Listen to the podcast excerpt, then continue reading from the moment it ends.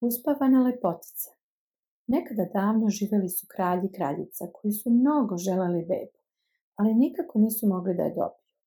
Jednog dana dok se kraljica kupala, iznenada se pojavila žaba i rekla Želja će ti se ispuniti, dobit ćeš čerku.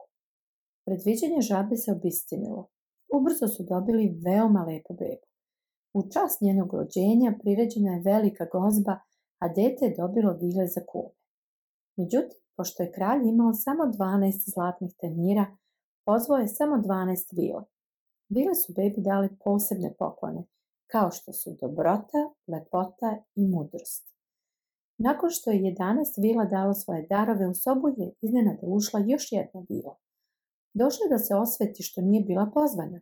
Bila je ljuta i progovorila iz sve glasa. Kada kraljeva kći napuni 15 godina, povredit će se na vretenu i pašće mrtva.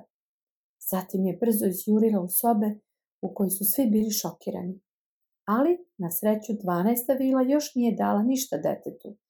Nije mogla da poništi zlu čaroliju, ali je mogla da učini malo manje strašnom. I rekla je, neće umreti, ali će spavati sto godina. Kralj naravno nije želio da se to dogodi i ubrzo je uklonio sva vretena iz dvorca. U međuvremenu su se ostvarile sve želje ostalih vila. Kraljeva čerka je postala dobra, lepa, bogata i pametna mlada žena i svi su je voleli. Veče pre svog 15. rođendana kralj i kraljica su izašli, a princeza je ostala sama u dvorcu. Lutala je hodnicima i razgledala sobu. Došla je do stare kule.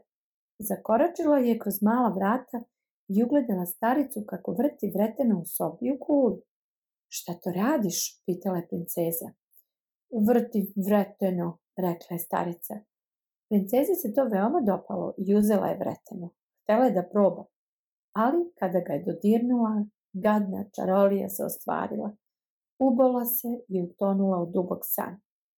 Kad se kralj vratio, odvoje princezu u najlepšu sobu i položio je na krevet sa džebatima zlatne boje. Sa svojim ružičastim obrazima izgledala je kao mali anđeo. Kralj je naredio da je niko ne uznemirava. Zatim je dvanaestu dobru vilu poslao nazad u palatu i ona je uspavala sve u palati. Niko se neće probuditi dok se princeza ne probudi.